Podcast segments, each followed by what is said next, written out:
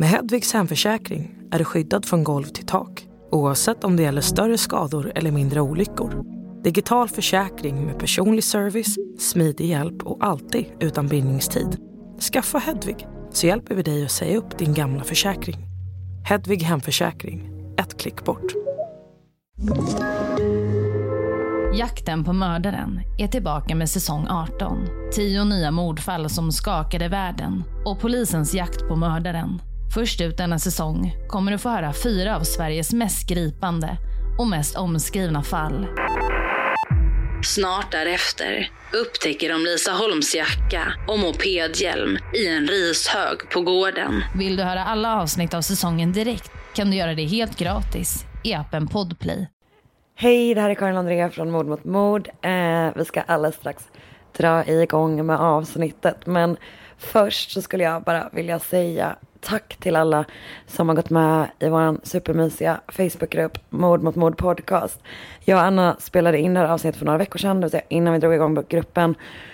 Och eh, vi är så himla himla glada att det är så många superhärliga roliga människor som vill prata true crime med oss. Och även om ni inte har gått med än så gör det för det finns så himla mycket bra där redan nu.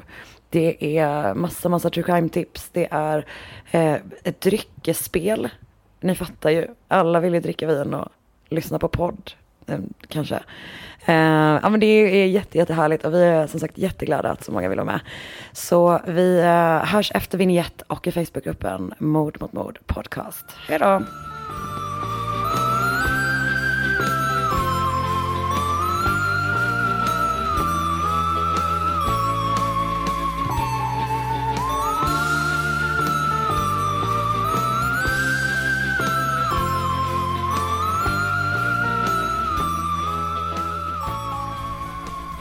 Ska vi podda eller? Ja. Ja. Hej Nu fick jag en flashback, förlåt. Berätta. När jag svalde, jag var på en drink en gång när de hade jättemycket chark och Ah, grejer. drink. Ja. Och jag och, inte min ticket till Björn, utan min andra kompis Björn, man hade fått sätta in pengar för den här drinken, för vi trodde vi skulle gå på middag. Så när vi kom dit så var det bara drink och chark. Och vi bara, nu ska vi äta så mycket chark så vi liksom får vår valuta för pengarna. Så satte jag, jag tog en sån stor parmaskinksbit så den fastnade i hela halsen. I flera dagar. Nej men alltså jag tuggade i typ, jag tuggade i en kvart och sen så kunde jag typ inte svälja den och så höll på att spy typ. Det är så kul att tänka att du hade liksom som en, ett nät som fångade upp allting i halsen. Det kändes som det, det var jävligt obehagligt. Jag att- trodde jag skulle dö på parmaskinka. Och var inte det här en stark inledning på en podd? Parmaskinksmordet. Ja, Verkligen. Eh, ja, för det ni lyssnar på då är ju Mord mot mord. En podcast som handlar om mord och som görs av mig, Karin André, och samt även av dig. Anna Sandel. Yeah, så bra. Hur är det med dig? Jo men det är bra tack. Om jag ser det. Du är en av de välmåendes, alltså du har, du har sällan sett så välmående ut som du gör just nu. För jag har sån fet gubbluck nu, sån nöjd, Men nöjd du är farbror. glad, du är så här, du, du, du har helg efter en jobbig vecka. Det är liksom alltid så, ja. Livet är på topp. Livet är på topp, det är du och jag, det är vi som har eh, ljudisolerat, eh, återigen, det är ett matsalsrum med alla textilier vi hittar. Vi är de pro- mest professionella poddare som Jajamän. finns, eh, skulle jag tro. Vi forskar, vi ljudisolerar, vi gör ju allt Vi egentligen. bara kör. Du, jag har ett, ehm, ett tips till dig. Berätta. Eller även för andra. Ah. Jo, det är en uh, P1-dokumentär. Mm. Som heter Efter mordet på mamma. Mhm. Som jag har lyssnat på. Eh, den är från 2017, typ oktober någonting. Mhm. Men jag har, alltså P1-dokumentär är en sån, du vet, jag prenumer- prenumererar på dem på Podcaster. Mm. Men det läggs på hög och sen så går jag tillbaka och så här jobbar igenom det. Ja. Och det här är en sån podd, eh, eller en sån dokumentär som jag typ inte lyssnat på tidigare, men ganska nyss tog tag i. Eh, och det är en story om en tjej, eh, en kvinna, vars pappa mördade hennes mamma. Nej. Eh, och även vad han trodde var hennes älskare typ. Och så är det så här att hon är runt, ja men det handlar, hon, det var hennes när hon var så ung, att hon har typ inte så mycket minne av varken händelsen eller av sin mamma. Nej. Och sen är hon runt hos så här, eh, men de som blev hennes fosterföräldrar eller hennes fosterpappa, eh, någon som var kompis med hennes mamma, poliserna som tog emot, alltså du vet så, hon läser sina gamla journaler Oj. och socialtjänsten. Och den är, utöver att den uppenbarligen som du hör är väldigt sorglig, Ja, så är det också att hon är så jävla cool. Det låter, det låter åt extremt. Mordet på min mamma. Mordet Ja. efter, vänta, efter mordet på min mamma. Efter mordet på mamma. Mm. Eh, men hon är så jävla cool, du vet. Alltså hon är så här, hon är så rolig och så typ intelligent och reflekterande. Eh, och det är en eh, superdokumentär, Gud vad fan, tycker jag.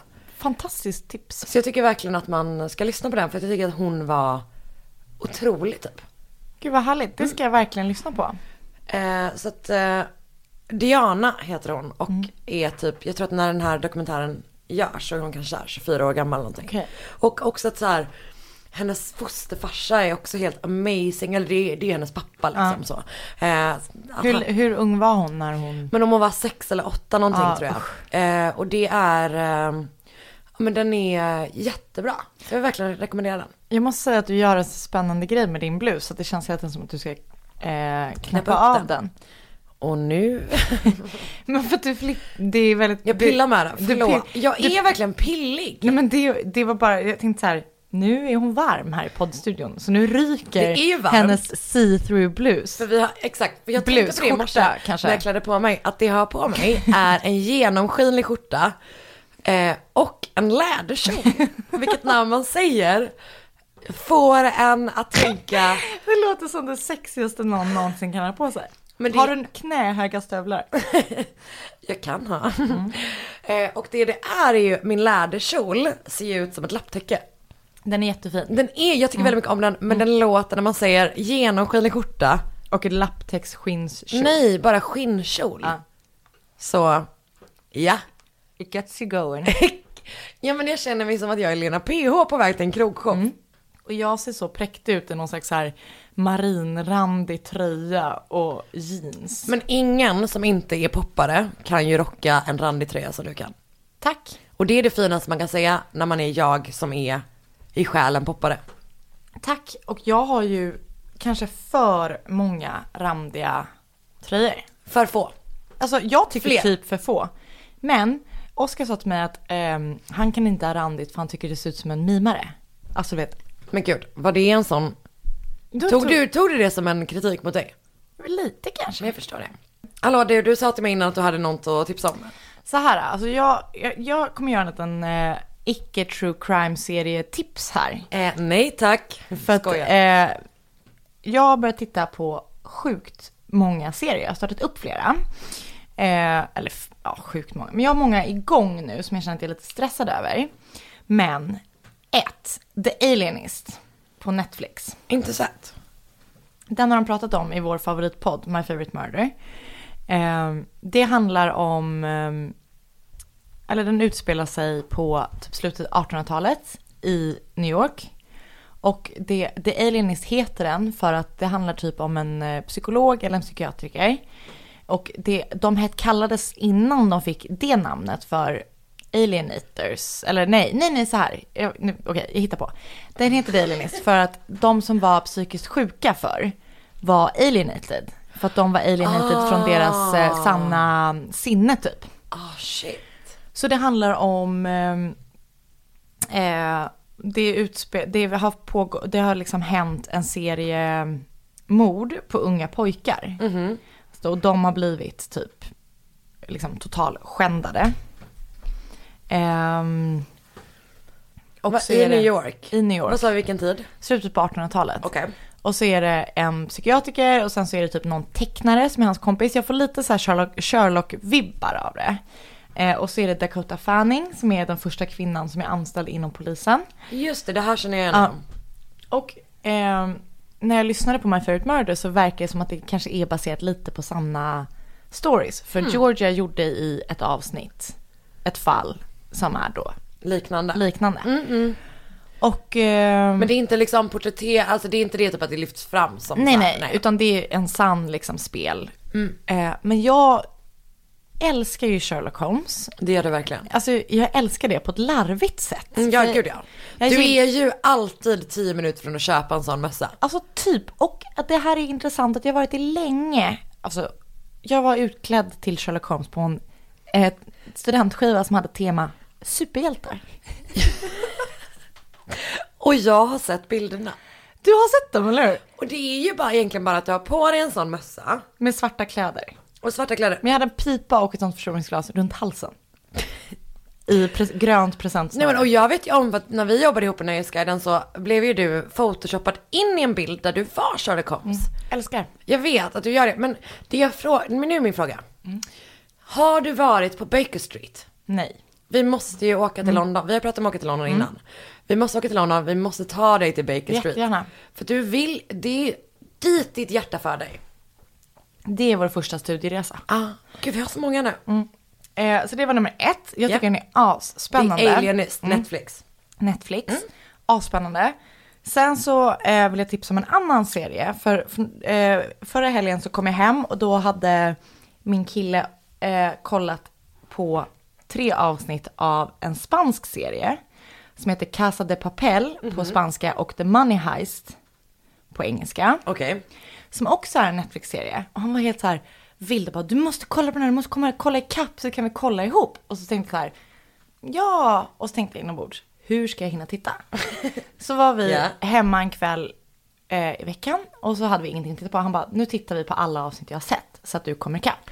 Då såg vi Det fyra, finaste jag hört, by the way. ja, för att jag hade aldrig, eh, det var ju själviskt också för att han Mm. ville komma vidare. Men det var ändå bra. Ehm, så kollade vi, jag har ju koncentrationssvårigheter. Kan inte kolla på ett avsnitt. Två, tre, fyra. är omöjligt. Vi kollade på fyra avsnitt på en kväll. Jag kollade inte mobil en enda gång. Det är, och jag tror att det handlar om att det är en spansk serie. Så jag måste vara fokuserad. För att om jag inte tittar på skärmen Just det, så förstår du så inte vad det som inte. pratas. Mm. Den är asspännande. Okej. Det handlar om, eh, det är så ett gäng eh, bankrånare som blir ihopkopplade av en person och så ska de råna, ehm, alltså där de gör pengar typ eh, i Madrid. Men att de trycker pengar. Ja. Alltså, mm, ja någonstans ska man göra det. Exakt, och det heter typ någonting som, vad det nu. Ja, det ja. ska de råna och det är skitspännande. Och jag var typ, då när jag fick höra att han tyckte att det var så himla bra, Du tänkte, du, erkänn du tänkte så här. Så himla killigt. Jag var så här, Att ja, vad- gilla en sån Jag var så här, vad kul att du hittade någonting som du tyckte var så bra. Och så tänkte jag så här, mm. Men nu har jag sett fyra avsnitt och tycker det är asspännande. Hmm. Så tips. Är det också Netflix? Netflix också. Money Heist. Det var i alla fall det. Och eh, allting eh, är, känns eh, härligt. Så tack för den här veckan.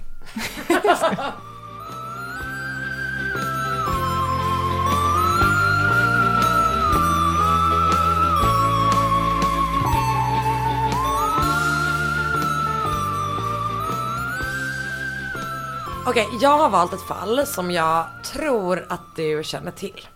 Okej. Men som jag typ ändå varit så fascinerad av så pass länge att jag kände fuck it. Förhoppningsvis kommer jag med lite, jag vet också om hur dåligt minne du har. Exakt, jag skulle säga, du, hit me. Ja. För den 5 juli 2012 kommer 16-åriga Skylar Nees, känner du igen? Nej. Nej. Hem efter att ha avslutat ett kvällsskift på Wendy's i Star, Star City, West, West Virginia. Hennes föräldrar kollar på Starkt namn på en Star. City, jag Ja. vet. Mm, verkligen. Det är det våran framtida by kommer heta. Star Town. Startown, West Virginia. Startown, Hälsingland. Eh, men hennes föräldrar sitter så här och kollar på tv. Eh, och när hon kommer hem så pussar hon dem och säger hon att hon älskar dem och att hon är trött så att hon ska gå och lägga sig. Eh, och det kommer bli den sista gången hennes föräldrar, Dave och Mary, ser sitt enda barn i livet. Hur gammal var han sa du? 16. Jag vet. För inom några timmar kommer Skyler ha blivit knivhuggen till döds av sina bästa vänner. Jag vet, det här är helt sjukt. Insiktsgrej. Jag tänkte göra det här Nej! fallet. Skojar oh du? Nej! För det här fallet hänger kvar vid den, eller? Ja, okej. Oh my god. Ja, jag vet. Kör! Fan vad sjukt. Fan vad sjukt. Jag var inne och läste. Okej, kör. Okej men bra, men då kan vi, då kanske du kan, alltså, Nej, alltså- komma alla dina instick. Jag vill ha alla dina instick. Jag vet, jag vet. I will skulle jag säga. Jag vet, jag vet. Du vill höra allt. Du, du längtar efter att höra mina analyser. Det- Jag, jag gör det. Okej, men jag börjar från början. Ja. Och som sagt, om du har något. Nej, kör. Jag vill Throw bara it höra. on ja, me. absolut. För sedan Skylar var sju år gammal Mm. så var hon då bästis med en tjej som hette Shelia Eddie. Och alltså det var ju verkligen, ja, men det, det var ju som på den tiden, om man minns bästisar från den tiden så var det vissa som var så här en del av ens familj. Mm. Ehm, och jag tror att det blir ännu tydligare för att så här, Shelia hade lite struligare bakgrund. Eh, eller det som jag läste om det är typ så här, hennes föräldrar var skilda, vilket verkligen inte behöver betyda någonting. Kan göra. Men, men kan ja, göra, mm, exakt. Eh, och eh, hon och Skyler blev, su- alltså de var bästa vänner, kallade varandra för systrar. systrar. Eh, Skylers föräldrar kommer berätta att så här, eh, Sheila, Sheila knackar inte ens på dörren hon kommer, utan det är verkligen så här, hon är en del av familjen. Hon är liksom lite um, så här, snurrigare än vad Skyler är, eller lite, lite mer vild eller vad man ska säga. Eh, men hon är asrolig att vara med och de är så här, de är bästisar. Och när de båda börjar då på University High School, vilket jag tycker är ett otroligt namn måste jag bara säga. Och lite lurigt namn. University High School. Det är ju som upplagt att man ska kunna lura folk vid så arbetsintervjuer. Yeah, I'm at university. High school. Men de är så här, när de bör, båda börjar där så är det första gången som de ska få gå i skolan ihop och de är jätteglada för det. Och när de börjar där så träffar de också Rachel Schoaf. Eh, som också är lika gammal. Hon kommer från en djupt religiös kat- katolsk familj. Som är så här, men de är lite mer styrande än vad typ Chilias föräldrar är och vad Skylers föräldrar är tror jag. För de är mer så här, men inte så super, superreligiösa. Och snart blir de alla, alltså bästisar alla tre. De är så här bästa kompisar, så som man bara kan vara när man är så 13 år ja. gammal. Ja men exakt. Men det här är liksom på pappret för att om man, man ser dem och de är astajta och allt det där. Men om man typ djupdyker lite grann så är det kanske inte så bra som man kan tro. Eh, och det som händer i hela den här fasen är ju att man, eh, om man kollar på deras Twitterkonton Mm. Så kan man se lite av en annan bild måla upp sig. Eh, men å andra sidan kan jag tycka att så här, att lägga så lite passivt aggressiva tweets om sina kompisar på typ sociala medier. Eller Mm. alltså du vet så här, man var ju, alla var ju dramatiska på sociala Ja. medier på den tiden. Att Jag man hade bara, inte Twitter. Nej det hade inte jag heller. Nej. Men däremot typ att man kanske något på så. Men Man- på Lunarstorm ja. att man la en sån dramatisk textrad. För att man var lacken då. Mm. Så att jag, tycker- jag tycker att så här, absolut man kan se att allting inte var perfekt på deras Twitterkonton. Men det är inget konstigt heller. Nej jag tycker typ inte att Nej. det är det, att det är lite drama liksom. Eh, vem bråkar liksom inte kryptiskt på so- sociala medier när man var 16? Jag måste ändå säga en sak. För att när du säger vem dissade inte sina kompisar på sociala medier? Jag gjorde inte det. Jag var alldeles för skygg för det. Men jag tror att jag bara la, alltså det här För var vi inte jobbade så inte så mycket kryptiskt. med... Du frågade ju vad jag hade för Lunarstorm. Just Jag det. hade ju inte ens Lunarstorm. Va? Nej. Men Anna, Men det menas att jag äntrade sociala medier som 16-åring på Facebook. Ja, jag hade Playhead ett tag i och för sig. Just men, det. mm. ja. men man gjorde det. Man gjorde det, man in... gjorde det. Men det här är också senare, för när var det här? För vi var ju unga, nej vänta, när var det här? Det här var ju 2012 så det är Ja, långt mycket senare. senare, Ja, ja. gud ja, jättemycket senare. Då kanske man gör det. Eh, jo, för att bland annat då så skriver Skyler på sitt, eh, alltså hon twittrar. Mm. Too bad my friends are having lives without me. Och det är så här, man kan verkligen typ relatera till den känslan liksom. Att de så här, och det vi pratade om innan, att det är så lätt att hamna utanför. Hon jobbade på Wendys, jag vet inte om de andra gjorde det. Alltså Nej. så här, Jag älskar när du sa det att um, när du hade varit en dag i stallet så kom du tillbaka till skolan så hade folk hittat på ett nytt språk. För det gick ju verkligen så fort. ja. Alltså, Och jag är fortfarande ledsen. Ja, men jag förstår det. Jag är fortfarande rädd för att gå hem från dig en kväll som denna. För när jag kommer tillbaka kommer du bara, för då jag har startat åtta nya poddar och ingen handlar om mord. Eller alla handlar, handlar Alla mord. om mord, men de är med andra kompisar som är mycket mer intresserade av mord. Jag än med dem, mordpodden-tjejerna. Nej, ja, förlåt, fortsätt. Ja, men så att det är så här, de är jättebra kompisar. Men man fattar att det är lite drama typ. Mm. Delvis ser man det på sociala medier men också att deras kompisar i skolan typ kommer senare berätta om det liksom. Eh, den 31 maj 2012 twittrar Skyler You're a two-faced bitch and obviously fucking stupid if you thought I wouldn't find out. Bara sex dagar senare kommer hon ju att försvinna. Så den 6 juli, det vill säga dagen innan hon har kommit hem från sitt pass på Wendys eh, och pussat sina föräldrar. Så kommer Skylers pappa hem från sitt jobb på lunchtid om jag förstått det rätt. För att Skyler ska låna hans bil. Eh, men han inser ganska snart att ingen är hemma. Han inser också snart att eh, dörren till hans dotters rum är låst. På utsidan av huset, nedanför hennes rum, alltså fönstret till hennes rum, så står en bänk och fönstret är liksom öppet. Så han fattar ju direkt att hon har smitit ut. Alltså du vet Mitt att, på dagen. nej, alltså att det är uppenbarligen, de har, de har Aha. inte sett till henne sen kvällen innan. Jag fattar. Så. Ja. Eh, och då tänker man väl att hon har ställt dit eh, em, bänken för att Mm. kunna klättra upp igen. Så fort som han typ tänker de här tankarna, hon har smitit ut, någonting har hänt, så ringer han då Chilia för att fråga om hon vet var Skyler är. Och hon säger att hon pratade med henne vid midnatt kvällen innan, men efter det har hon inte hört någonting. Eh, och snart ringer chefen på Wendys och frågar vad Skyler är, eh, för hon har inte dykt upp då till sitt skift.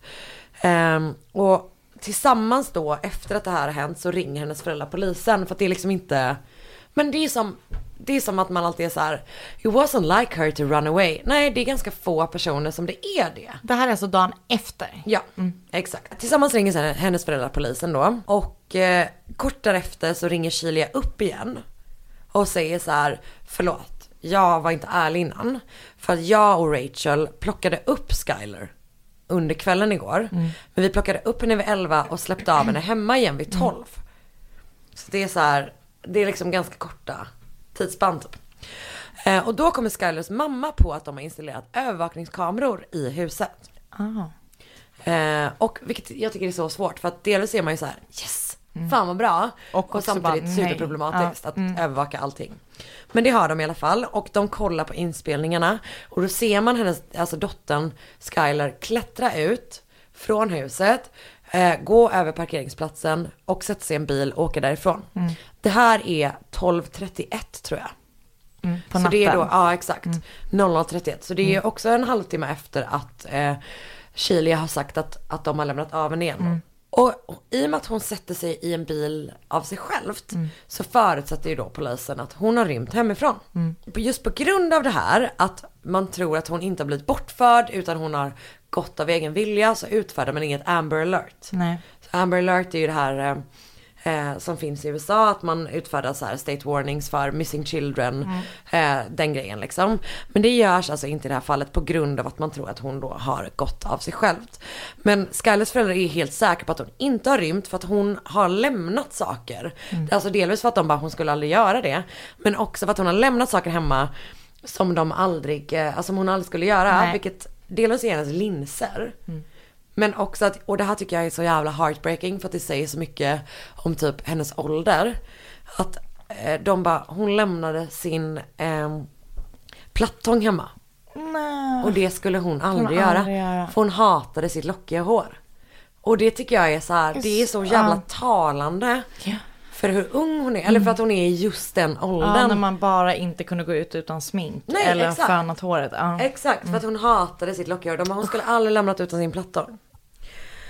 Eh, och när polisen då börjar utreda det här fallet, det här försvinnandet, så får en kvinna som heter Jessica Colbank fallet på sitt bord. Och när hon pratar då med Chilia känner hon direkt att någonting är fel. Alltså typ initialt känns som att det är ganska mycket att så här, hon är konstig, hon reagerar inte som man tänker sig att man ska göra. Nej. Hon är mer typ kanske ute och hänger så här, pratar om att bli full på sociala medier, när, hur ledsen, alltså du vet det är så här, det är off liksom. Men Chilia håller fast vid sin story om att hon plockade upp Skyler. Hon och Rachel gjorde det. Eh, de körde runt lite. Eh, hon berättade att de rökte lite gräs. Att det är så här någonting de brukar göra. De brukar åka över State Line till en specifik så här spot i, jag tror att det är Pennsylvania. Eh, och sätta sig där och röka typ. Men att hon då har lämnat av henne igen vid 12 och anledningen till att hon inte syns på övervakningskameran när hon kommer med bilen är för att Skyler sa att de skulle släppa henne längre ner för gatan så att inte um, hennes föräldrar skulle vakna typ. Så hon håller fast vid det hela tiden. Eh, och Jessica Colbank får då tag på Rachel. Rachel har åkt på church camp. Som sagt, hon är väldigt religiös. Eh, och när hon pratar med henne så berättar hon samma historia. I början av juli när hon försvinner och under de kommande som, alltså månaderna så börjar ryktena gå. Eh, så på skolan, alltså man kan ju tänka sig hur jävla mycket snack det var liksom. Eh, det finns de som säger att Skyler har träffat någon snubbe på nätet och typ dratt med honom. Men det finns också de som säger att hon har tagit en överdos tillsammans med eh, Rachel och Shelia och dött och de har lämnat kroppen. Alltså det är så här jättemycket sådana saker. Men i oktober då så reggas två nya Twitterkonton som verkar veta lite mer om vad som har hänt. För kontona Josie Snyder, som sagt det här är alltså oktober 2012. Hon försvann i början av juli. Ja. Eh, och då så reggas då två Twitterkonton på eh, Josie Snyder och Mia Barr. De börjar följa Shelia och de börjar följa Rachel på Twitter. Och börjar då twittra till tjejerna. Så den 10 oktober twittrar Mia Barr. Eh, Luke 12:12, alltså som bibelvers. Nothing is covered up that will not be revealed or hidden that will not be known. Det är det första som händer. Den 26 samma månad twittrar Josie Snyder. Bring pretty little liars down together. Instickare, har du sett Pretty Little Liars? Ja, gud ja. Oh my god. Ja. Sån jävla dålig men så sjukt bra, serie. Ja, gud ja. Verkligen. En vecka senare twittrar Josie Snyder. Det här som är en av de töntigaste och också läskiga sakerna jag någonsin hört. What you gonna do, what you gonna do, what you gonna do when they come for you. Fy fan. Men också, vilken tönt. Alltså verkligen vilken tönt. Men också, vad fan. Jag vet, det är läskigt typ. För att det är så här, varför vet de saker som inte alla vet? Typ. Ehm, Men sen, förlåt, det här skriver de här twi twi Twitter... Kontona Gud, aldrig som man inte Twitter. typ- Men det här skriver de här, precis. Ingen vet Som- vem det är. nej, inte vad jag har läst i alla fall. Och de skriver det till de här tjejerna. Mm. Japp, eh, till Shelia och Rachel. Och på tjejernas egna sociala mediekonton skulle jag säga att det är så här, det blandas högt och lågt. Men det är väldigt mycket typ så här, jag är full, man ska alltid vara full. Du vet man är så här, ens föräldrar är dumma i huvudet, du vet sådana Klassisk saker. tonårings- Ja, ja. och sen ibland bara, I miss my friend. Men det är ganska mycket att de är så här, De skiter i att de hon kör är borta. på men ibland så är det så här I can't believe you're not home yet. Så. Eh, på Facebook så skriver Shelia att hon önskar att hennes bästis skulle komma, komma hem. Och Skylers pappa svarar snart kommer hon hem och jag älskar dig. Till Shelia. Eh, men ibland så skriver de också saker som typ låter lite konstiga. Typ, no one in this, on this earth can handle me and Rachel. If you think you can, you're wrong. Som Shelia twittrar. Och under de här månaderna så intervjuar poliserna tjejerna typ om och om igen liksom. För att de bara, de vet någonting. Alltså någonting vet de. Om det är så att hon har typ dött av en överdos eller vad som har hänt så här. De vet någonting. Ehm, och de så beskriver som att man lirkar upp ett lås typ. Att det kommer lite i Det taget. knackar liksom. Ja men exakt. Eh, och de ändrar sin historia så här flera, flera gånger. Eh, verkar extremt självsäker. Eh, och typ att polisen reagerar på det och är så här, mm, det här är lite konstigt liksom. Eh, så att polisen är helt övertygade om att de vet mer än vad de berättar. Men det är liksom det som är, det är inte, man vet inte mer än så. Eh, och det här blir bekräftat när man får tag på en övervakningsfilm från en restaurang eller någonting tror jag det är. Eller om det är en mack eller något sånt. Där man ser Chilias bil åka i motsatt riktning. Från där hon har sagt att de körde den kvällen. Alltså det är samma väg men fel håll. Så den 12 december 2012 kommer ett samtal till 911. Det är en kvinna som säger att hennes dotter är våldsam. Att hon slår henne och hennes man. Eh, och att hon skriker och att de inte kan kontrollera henne längre. Kvinnan som ringer är då Patricia Schoaf. Rachels mamma. Det har gått åt helvete typ. Eh, så Rachel kommer att läggas in på Chestnut Ridge Center som är en psykiatrisk avdelning. Och när hon väl kommer ut därifrån och återförenas med Chilia har hon erkänt sin inblandning och bär mikrofon. Då hon har väl blivit övertalad att sätta dit sin kompis liksom. För att hon förhörs då under den här tiden hon är inlagd och då berättar hon allt. En polis som var med berättade senare att han tänkte att hon skulle föra så här. Som sagt, hon tog en överdos och vi visste inte vad vi skulle göra, så här hittade ni kroppen. Mm. Det här är vad den här polisen fick höra. Är du redo? Ja, alltså fan det är så jävla, alltså ja, det här fallet är, Det är helt sjukt. fan alltså. För det här är ju... Ska vi ta det sen? Vi tar det sen. Ja, vi tar det sen. Våren 2012 så bråkade Chilia och Skyler hela tiden. Så Chilia och Rachel brukade skämta om att de skulle mörda henne. De bara, till att börja med, eh, nej. Nej. Det är typ, jag har aldrig varit med om att jag skämtat om att jag skulle mörda någon. Alltså aldrig. Också, vet du vad? Tråkigt skämt. Och så bara, man kan hata sina kompisar ibland och då snackar man asmycket skit. Och sen så går det över. Ja. Men jag vill, tycker ändå att vi ska komma fram till vilken tråkig jävla comedy det är. Alltså, uff. Usch, tråkigt. Vad roligare. Eh, nej men de gör tydligen det här, vilket är så jävla jävla konstigt. Och plötsligt så är det som att skämten var en plan. typ. Så det som händer då eh, sommaren 2012 är att de plockar med sig en spade, två knivar, klädombyten och städgrejer och lägger i bakluckan på Chilias bil. Sen övertalar de Skylar att följa med dem och röka gräs sent då den 5 juli 2012. Och Skylar, det här är också jävla sorgligt tycker jag, att Skylar är så jävla tveksam. För att hon bara, vi är typ inte så bra kompisar just nu. Nej. Alltså varför vill ni ha med mig? Du vet den grejen. Sen det är uppen, alltså, uppenbarligen fanns det en olustkänsla hos henne. Att det är något som är weird typ. Men de övertalar henne på telefon och sms. Så man får också komma ihåg att det här var hennes absolut bästa kompisar. Och hon är 16 år. Hon är 16 år gammal, hon känner sig ensam. Alltså så.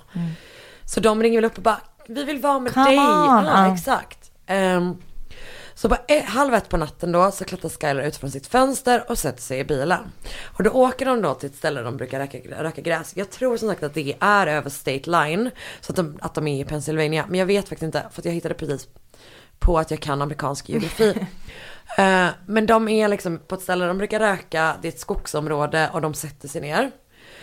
Och så ska då Skyler, återigen 16 år gammal, eh, ställa sig upp för att hämta en tändare. Eh, och då säger Rachel on three. Sen räknar de till tre. Och sen attackerar de här bästa vännerna Skyler med varsin kniv som de gömt under sina tröjor. Och eh, alltså rapporten från, eh, vad heter det? The Autopsy Report, ja. exakt. Kommer senare visa att, att, att hon huggs ett 50-tal gånger. Eh, och hon ska typ ha så här, de frågar henne typ så här. Sa hon någonting medan ni gjorde det här? Hon försöker typ slå, slå tillbaka Skyler. Och eh, Rachel säger sen till polisen att det hon säger är why. Och när polisen ställer då samma fråga som Skyler gjorde, typ why? Så svarar de, well, we didn't like her. Nej. Och det är Det är så sjukt. det avgrunds djupaste mörkret jag någonsin har hört. Att det är så här 16 år gammal. Var inte kompis då. Nej. Alltså bara var inte kompis. Du vet, det här är som en ännu mer extrem version av alla de gånger man alltså känner så här. Eh, skilj dig då. Du behöver inte mörda Exakt. någon, skilj dig. Men det här är så här. Ge det två år, ni går inte ens på samma skola. Nej, alltså bara sluta vara vän. Ja, exakt. Ja, det är så mörkt. Så efter erkännandet så visar Rachel polisen vart de har gömt kroppen och det kommer typ dröja några veckor innan snön har smält så att de, kan, så att de faktiskt hittar henne. Eh, och dagen innan de hittar henne så twittrar Sheila, Sheila You don't even know the amount of shit you have caused. Den 28 januari, 12 dagar senare, twittrade, twittrade Rachel då. There's so much I regret. Uh, I'm on a new path and I seriously couldn't be happier. Två dagar senare skriver hon This bitch is not gonna ruin my life all over again. Nej. Alltså de är så sjuka på liksom sociala medier att det är helt sjukt. Typ. Eller det går inte att förstå. Så när nyheten om Skylers kropp, hit, äh, om att Skylers kropp hittats, äh, vilket jag tror är typ senare under våren, äh, publiceras, så söker Kylia då återigen typ sympati på sociala medier. För det har hon gjort tidigare också då. Mm. Då skriver hon, the pain is real. Rest easy Skyler, you'll always be my best friend. I miss you more than you could ever know. Nej. Man bara, nej, nej, nej, nej. Du och din kompis henne 50 gånger, dra åt helvete. Eh, så under de kommande månaderna så bygger polisen ett case mot Chilia och hon fortsätter typ twittra hela tiden om typ helt vardagliga, vardagliga saker, lite grann att hon saknar Sky, alltså det, det är så här, det är grovt. Hennes twitterkonto finns kvar också. Jaha. Mm, man kan uh, söka på det. Eh, och polisen gör då en deal med Rachel. Hon erkänner sig, skyldig till second degree murder. Eh, om hon då vittnar emot tror jag. Den 20 april 2013, eh, vilket är ju eh, mindre än ett år senare efter att, att eh, Skylar har försvunnit så grips Chilia. Och det kommer dröja till den 24 januari 2014 innan hon då står inför rätta. Och då döms Chilia Eddie till livstidsfängelse med möjlighet till villkorlig frigivning efter 15 år. En månad senare döms Rachel till 30 års fängelse med möjlighet till villkorlig frigivning efter 10 år. Och under rättegångarna så fylls rättssalarna av eh, människor iklädda lila kläder. För det var Skylers favoritfärg typ. På grund av att det här försvinnandet inte uppfyllde alla kriterier för en Amber alert som vi pratade om tidigare. Eh, det vill säga, det här är kriterierna då för ett Amber alert som är Amber alert är också baserat på en, en tidigare händelse som man kan googla om man vill. Det är väldigt spännande med ett annat fall. Men det som krävs för att det ska utfärdas, det vill säga att man är så här, ett barn har försvunnit, hjälp oss alla.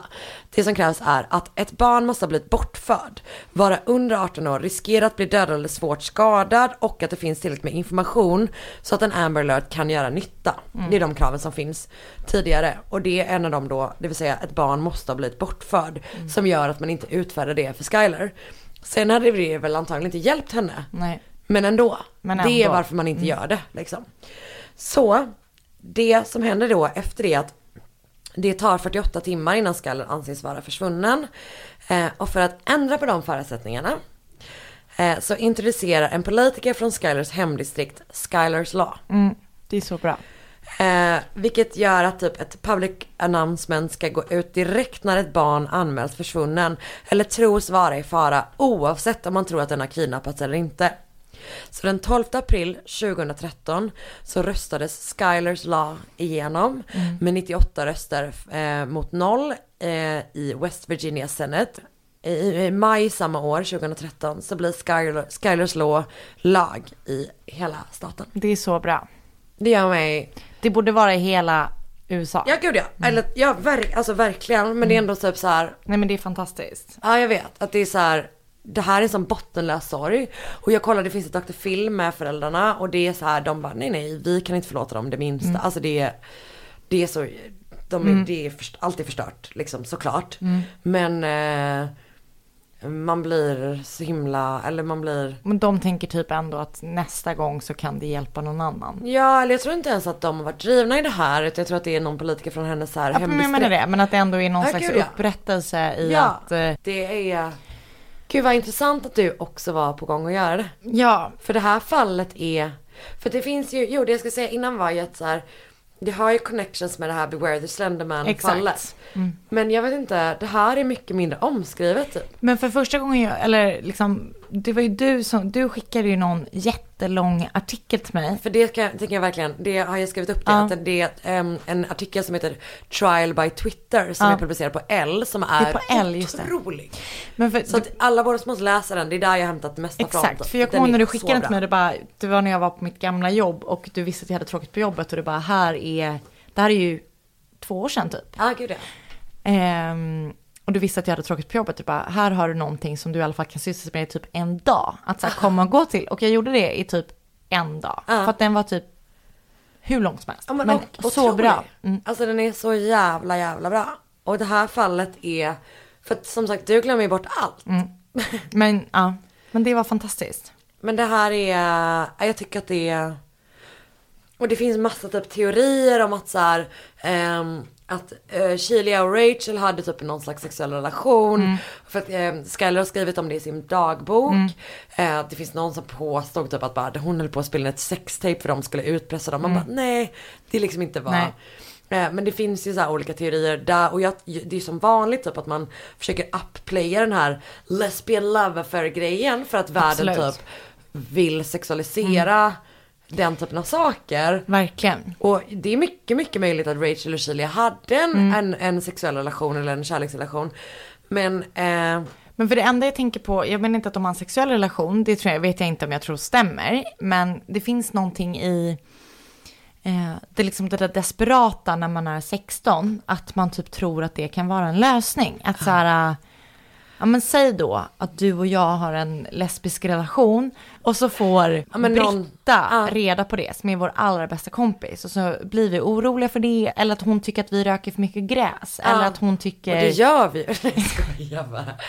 Nej, Ja, alltså, nej, men exakt, och det- som 16-åring så är man så här, "Bu- men tänk om vi bara skulle så här, tänk om vi skulle mörda henne och skulle aldrig kunna säga någonting till någon och sen så eskalerar det, det. där, det är den där grejen som jag tror så jävla mycket på som är det här, just det här unga med att man är, för det kan jag fortfarande känna ibland du vet att jag så här, eller jag tror att vi båda två Mm. kan relatera till att man bara är så här, man har typ tagit ett dåligt beslut på jobbet. Nu gör ju inte det och gör det. Mm. Nej. Men om vi skulle göra.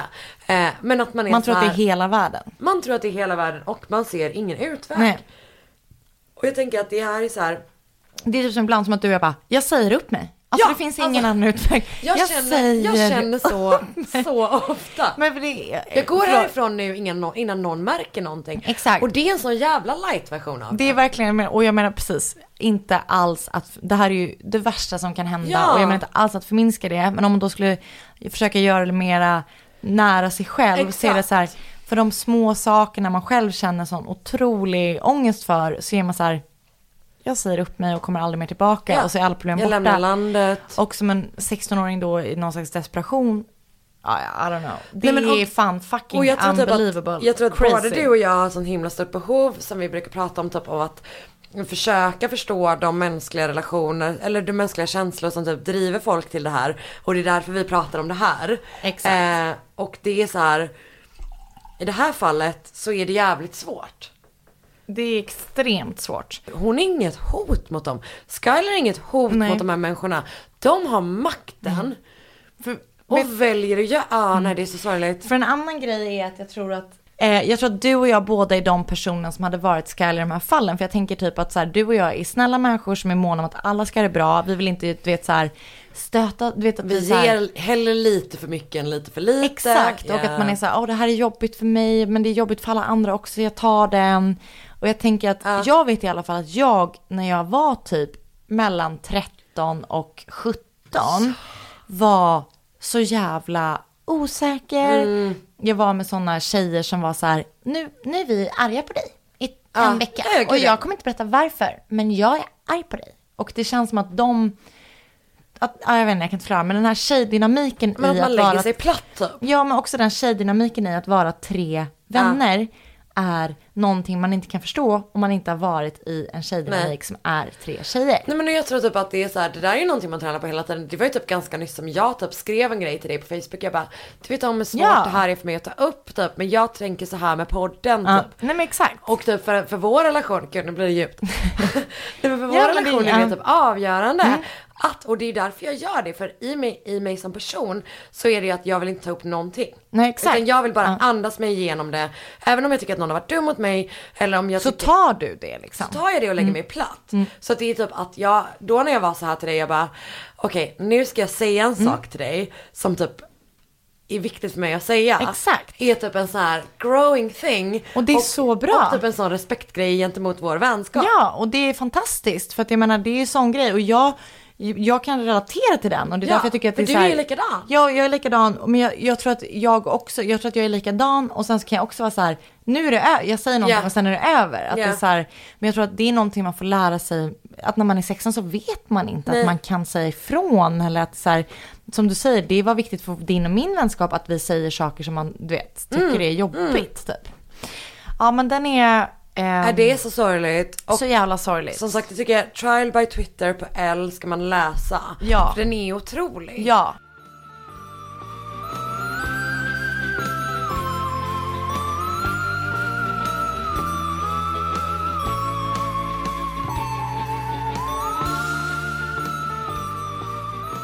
Det kommer bli någon slags temaavsnitt. Det här avsnittet. För att jag fick ett tips på Instagram. Och så kollade jag upp det. Och så såg jag att det här såg jag ett, inte en dokumentär om, men jag såg att det finns en serie på Netflix som heter Your Worst Nightmare. Okej, okay, inte sett.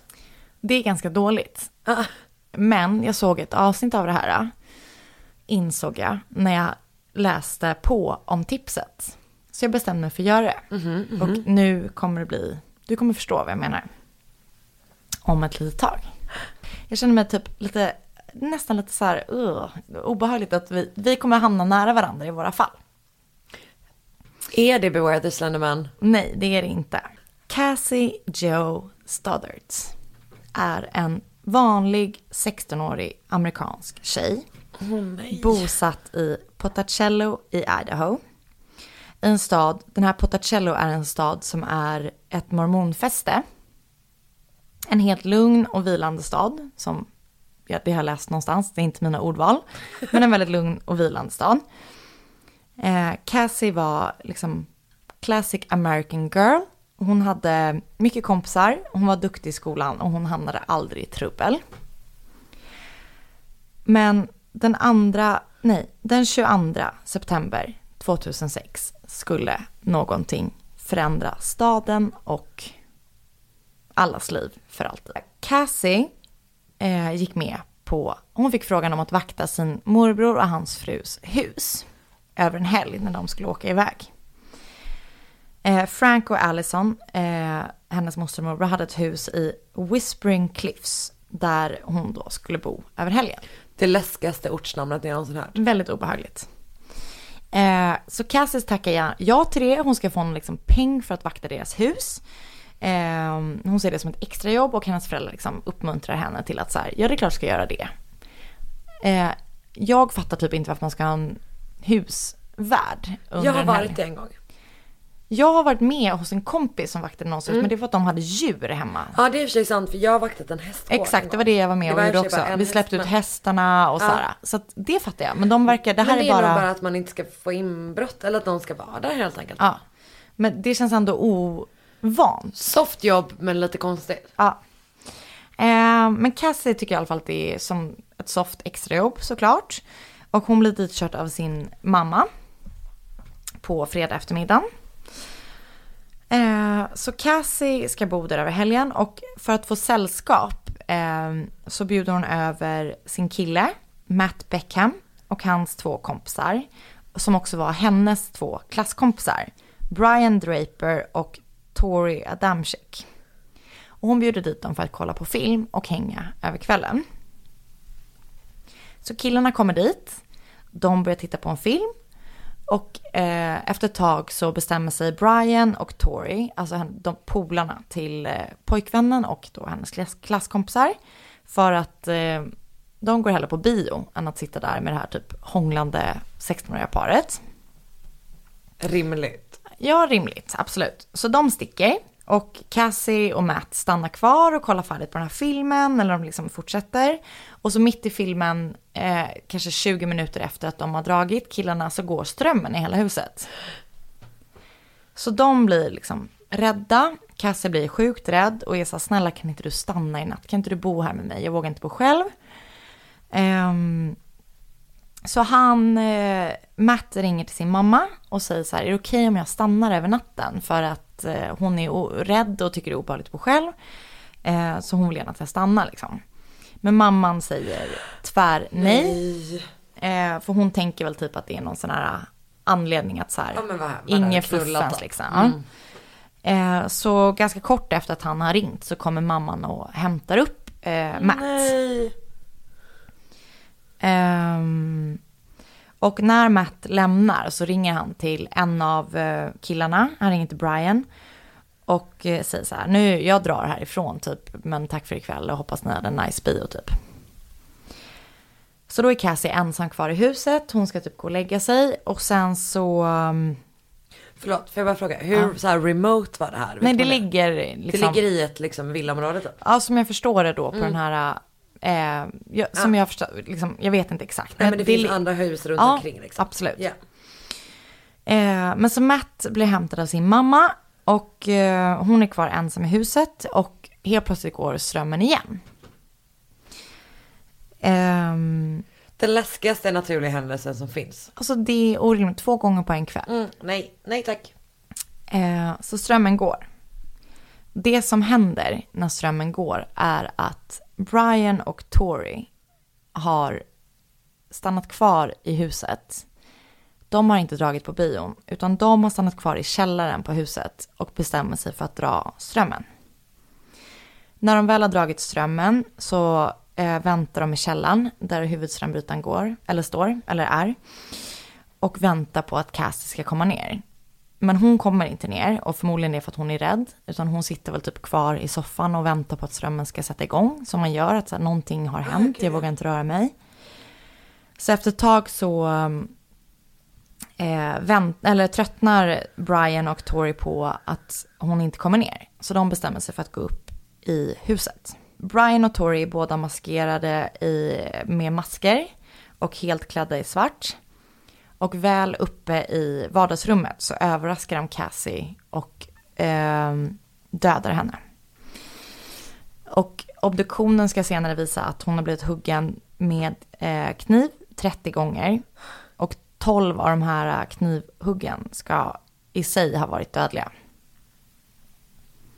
Vad fan! Eh,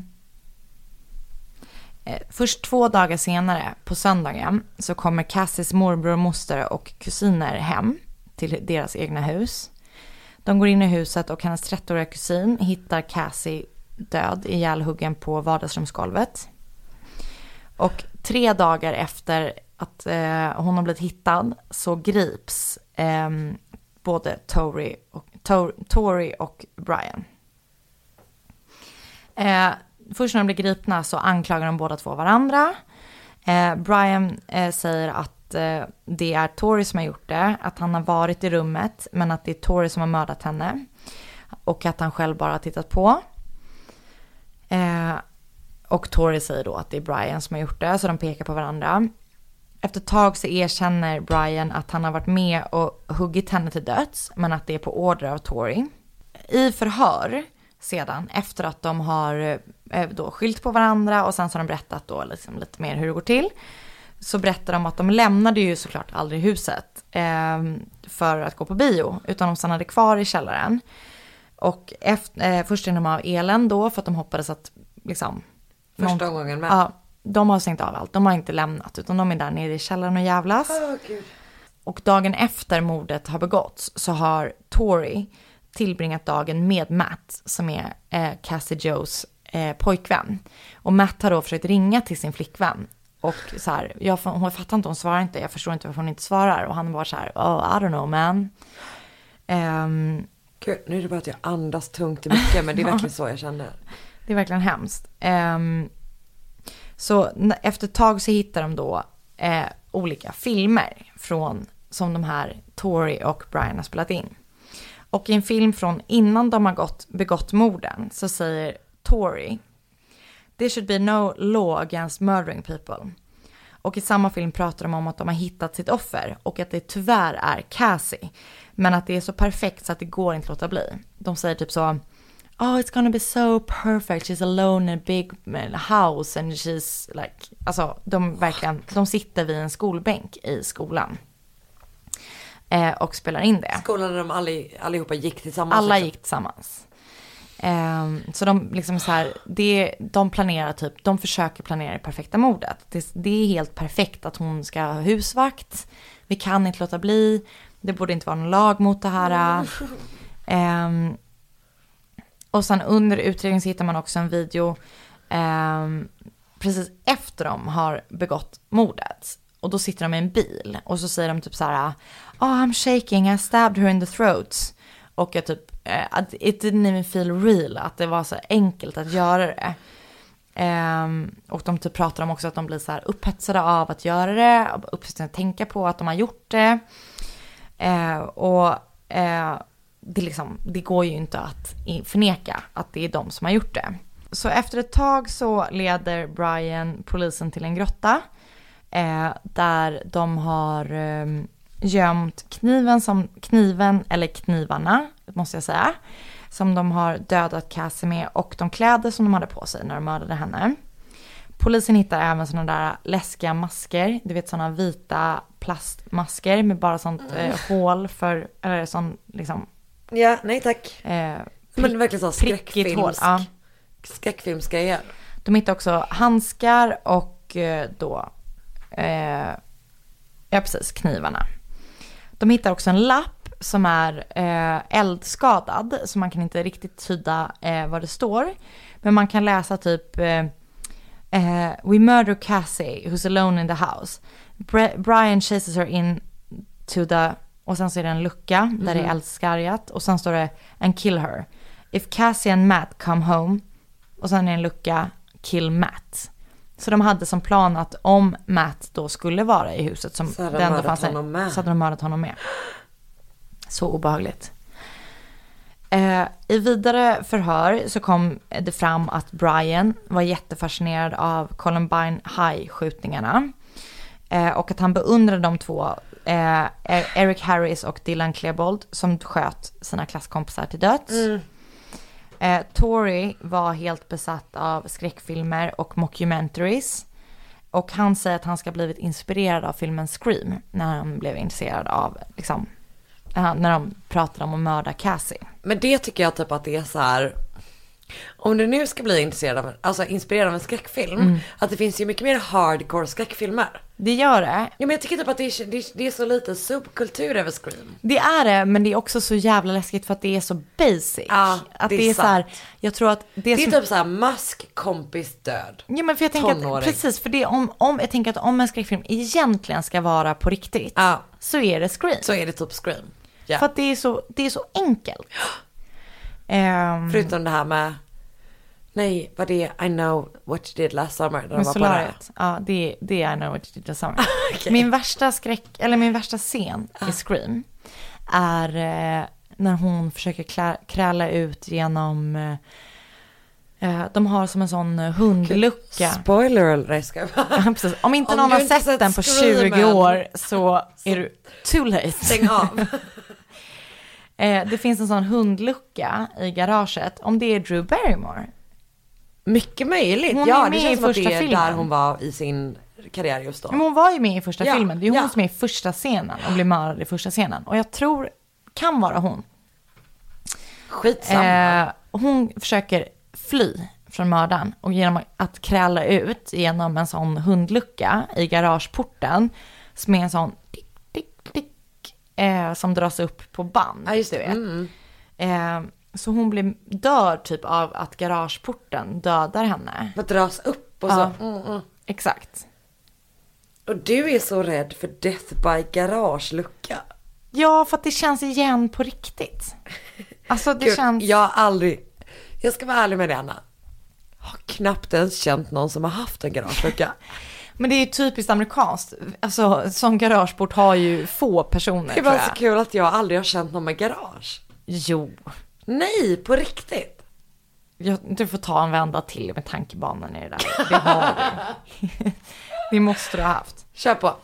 Ehm, han hade i alla fall blivit inspirerad av Scream, så man tänker är en ganska kass eh, skräckfilm. Men när jag började tänka på det så är det läskigt för att det känns som att den är mer äkta Ja. än de här väldigt uttänkta Exakt, det är inte typ så här, här är ett videotape som alla måste kolla på och så kommer Exakt. det ett oväsen ut från... Exakt. Nej, gud. Det här är Ja, ju typ är någonting som dig. Ja. uppenbarligen typ händer.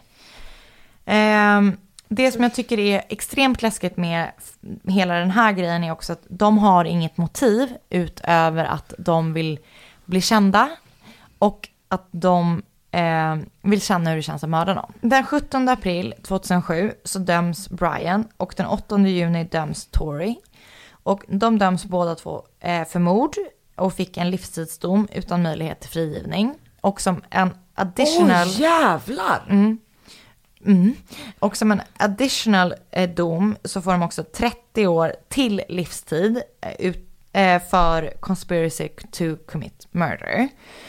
Eh, och det här är trots att ingen av dem är myndig. Men gud, så de kommer aldrig ens ha möjligheten att komma ut? Nej, jag tror inte det. Jag hoppas inte det. Nej, men det låter ju som det. Nej, och för, och för deras, båda deras advokater har lämnat in flera så här, resningsansökan. För att och, de blir dömda som vuxna? Exakt, Mm. och liksom ansökningar för att de ska då få tidsbestämt straff och sådär. Eh, men än så länge eh, verkar det som att eh, de, eller de sitter liksom där Mm. och det verkar inte finnas någon ljusning för det. Ehm, det finns, jag hamnade på någon artikel som jag inte orkar läsa eftersom jag inte är så mycket inför forskning. Men det finns typ åtta personer, eller vad det nu var, kanske fler. Det kanske var i staten eller så var det i hela USA, I don't know. Knows? Men som har dömts innan de var myndiga till livstidsfängelse, varav en var tjej. Som jag ska forska lite mer i vad hon har gjort någonting. Men det Ehm, måste vara staten, för det finns nog några, det finns nog ett gäng. Det finns säkert ett gäng, Ja. det är säkert staten. Ehm, och det är ju så jävla sorgligt att hon blivit mördad och att hon är borta och de sörjer ju såklart jättemycket hennes familj. Men hennes morbror och moster har aldrig velat flytta in i huset igen, vilket man ju verkligen förstår. Ingen vill heller köpa det från dem för att ingen vill bo där det begått ett sånt hemskt brott. Och deras dotter som då, eller det var morbrorns fru, eh, så Cassis liksom bonuskusin eller vad man säger, eh, har försökt begå självmord. henne. Ja, hon hittade henne och hon har ju också försökt be- begå självmord efter det. Så att det finns mycket mörker kring allt det här. Och ehm, det som också är jätteobehagligt är att det finns filmer när, eh, jag vet inte om det är Brian eller Tori, men någon av dem har filmat henne samma dag i skolan. Så att det finns liksom film från när de typ pratar med henne. Det känns som en så typisk amerikansk high school seriegrej när man bara Hi Karin, what do you have in your locker? Typ så Ah. gör de en film med henne. Har du sett det? Ja, För det är med i typ dokumentären du såg? Ja, det fanns, det finns klipp Ah. på, eh, ty, jag vet inte tyvärr eller vad man ska säga, men det finns klipp på YouTube, både de här filmerna när de pratar innan mordet och efter mordet, det finns klipp på henne som de har filmat och sådär. Så det finns väldigt mycket och det är väl det som är eh, väldigt speciellt med mord som begås typ i vår så här, Ja. digitala tid, att det finns så himla mycket kring det. Exakt, och typ grejen är att allting det där, det, det som är så jävla obehagligt med det är att allting blir som en sån high school film typ. Att du vet att det blir så här Jawbreaker eller whatever ja. the Åh, fuck. gud, den filmen. Alltså det är en av mina favoriter. För jag älskar high school filmer och den är ju Den är sjuk. Ja, Den är så uh. jävla sjuk. Eh, men Älskade hon Rose. eh, ja, och att hon ligger, det hon, den hon ligger med i Marilyn Manson. Jag. men de var ihop. Just det. Men, eh, men det är så jävla, eller jag tror att eh, som icke-amerikan så är det så himla lätt att typ eh, romantisera bilden av high school. America typ. Eh, Men det verkar ju vara vidrigt på riktigt. Ja men alltså gud, definitivt och det som händer typ i den här typen av fall är att det är så här upphöjs till så många gånger att man bara de gick i den här korridorerna och hade bestämt sig för att mörda henne. Så hemskt. Helt utan, och jag tänker att det är som en mordversion av den The Bling Ring. Ja, just det. Alltså typ att man så här, för de gjorde inbrott för att få typ delvis få grejer. De gjorde inbrott hos Paris Hilton och Ja. den typen av Ja. kändisar. Delvis för att få grejerna men också för att få uppmärksamhet. Men har du inte sett den filmen som jag älskar? För att det är dels med Ryan Gosling och med Sandra Bullock som jag älskar. Det är en film, alltså den måste ju vara från typ början av 2000-talet. Absolut. För att det är innan Ryan Gosling är känd och det här är när Ryan Gosling och Sandra Bullock också var ihop på fritiden. Men gud. Ja, man tänker att på de inte- fritiden. Men de känns som ett udda par. Men ja jättekonstigt. Men gillar båda två dock måste Ja, jag säga. älsk, älskar Sandra Bullock. Älskar, henne. Älskar Sandra Bullock. Älskar henne, älskar henne Hon är så jävla mer cool. När hennes man var sexmissbrukare och hon vann en Oscar. Men alltså hon är Ja, cool hon som är fan. bäst. Ja hon är Men ascool. den filmen handlar om två high school killar som är, eh, Ryan Gosling är, ehm, det, här, det här kommer vara det sista jag säger i podden, så lyssna noga nu. eh, Ryan Gosling är Jag älskar dig Anna. Det vill jag verkligen lyfta fram. Ryan Gosling är um, någon jävla skit spoiled brat. De har så här, han kommer från en, jätte, en familj som har jättegott ställt och så här. Och, så är han, och han är skitsmart och han eh, har, är en kompis med en person som är jätte, jättesmart, har inte så gott med pengar och de är inte vänner officiellt i skolan utan de är eh, liksom, de har enats över att de vill begå det perfekta mordet. Och jag tänker inte säga mer, men Sandra Bullock är polis och den är amazing. Det låter otroligt. Men den är otrolig. Apropå eh, mord i high school-miljöer Mm. så måste jag tipsa om Heathers. Vad är det? Berätta mer om det. Eh, vad är det? Kevin Bacon? Är det han som har såna ögon med den? Mm. Han är typ snygg fast ändå inte Ja, snygg. jo men och typ, det här är ju typ så här, Ja, han är ung. Ung som fan. Är det ens Kevin Bacon? Om det inte är det, säg inte det till mig för ni fattar vem jag menar. Det, filmen heter Heathers, det är Winona. Ryder som spelar. Otrolig person. Mm. Eh, inte minst då, även fortfarande. Eh, de börjar hämnas Ah. på folk som har varit as på deras high school, alltså high school skola. Ah. Och jag kan verkligen, Heathers är en av mina bästa så här eh, teenagefilmer. Den är otrolig. Fan vad mycket tips på Mm. Kul. tv-grejer. Tipstät Ja. podd. Vet du vad, det där var, jag tror att det var något av det sorgligaste vi någonsin har gjort. Ja. Och typ att jag för första gången tänkte så här. Det här är varför My Favorite Murder har en katt som jammar på slutet. Ja. För det här blev så jävla mörkt. Ja. Men nästa vecka kanske blir mer Nästa positiv vecka kanske kommer bli mer positivt och eh, om ni har några positiva fall, skoja. Det finns inga positiva fall, det är det som är grejen. Eh, men, tipsa oss om allt. men tipsa oss om allt, tipsa oss om serier, eh, om era bästa high school mordfilmer, eller? ja, allt. Ja, gud ja, allt. Eh, och det gör ni på Instagram där ni skriver till i DM, obs, så vi inte råkar se någonting. Och inte andras. till båda två. Nej, utan skriv till den ena av oss och skriv till att Sandell Anna med två L eh, och sen två N i Anna. Om ni inte fattar det så, mm, då är inte det vårt ansvar. Jag tänkte att det var roligt att, för att det är folk ibland som frågar så här, hur stavar du Sandell? Och då tänker jag, hur kan man ens stava Sandell om man inte stavar det som Sandell stavas? Absolut. Anna tror att alla kan hennes efternamn.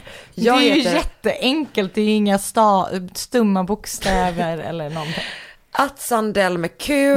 Eh, jag, heter, Silent Q och Silent X jag heter att Karin Londre. med Silent Q. med silent Q all over the place. Eh, och tack så jättemycket för att ni var med på den här hemska resan. Eh, och vi ses snart igen. Och vi Ja. tycker om er. Tack för att ni lyssnar. Puss! Puss hej!